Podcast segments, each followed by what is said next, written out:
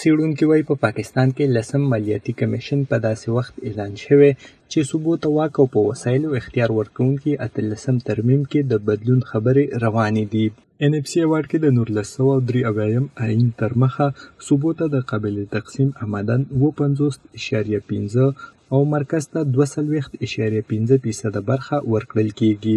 خو څېړونکي وایي د اتلسم ترمیم وروسته صوبو ته د ټکس راټولولو او په قدرتي وسایلو اختیار ورکړل شوی دی چې ورسره د صوبو امدن هم زیات شوی دی څېړونکی او خبریال لهازلي وایي په مرکز کې داسې قوتونه دي چې د صوبو اختیارات کمول غواړي او لسم ان اف سي ایوارډ کې د قامي ادارو خسارې ورکړل شوي رعایتونو سکیورټي اخراجاتو او قرضې واپس کولو په مد کې مرکز په صوبو اضافي مالي بوج راوستل غواړي هغوی وایي چې د صوبو برخه کمول پکار دي او د وفاق حصه زیاتول پکار دي دا هغه نقطه ده چې تحریک انصاف کله د آی تلسم آئینی ترمیم په ضد باندې بیانات راځي کله دا قسم بیانات راځي نو کاری دا چې وفاق په دې پیرځکه چې وفاق دا بیانات چې کوم دي دا حاصل نه دي دا د مختلفو خلکو په لاس ورکړی کیږي او هغه خپل نیت چې کوم دی د مخکې تقریبا په څه ناڅه طریقې سره ښودلی دی پاکستان کې زیاتره سیاسي ګوندونو په اتلسم آئیني ترمیم کې د بدلون مخالفت کړی دی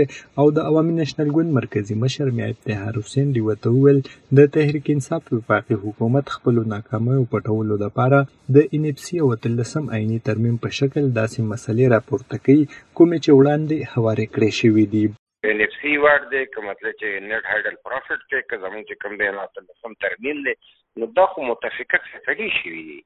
دا خو مطلب اسمبلو پاس کړی دی دا خو مطلب صوبې اسمبلو پاس کړی دی دا خو کوم دی قومي اسمبلې پاس کړی دا سېنات پاس کړی دا یې نه څه شوی دا دې باندې خو ډېر لوی پاتې شوی ټول پارټي په دې متفق دي چې کدا څوک چیړي نو دا مطلب دی چې ناروا کوي د ملک د بقا خلاف سازش دی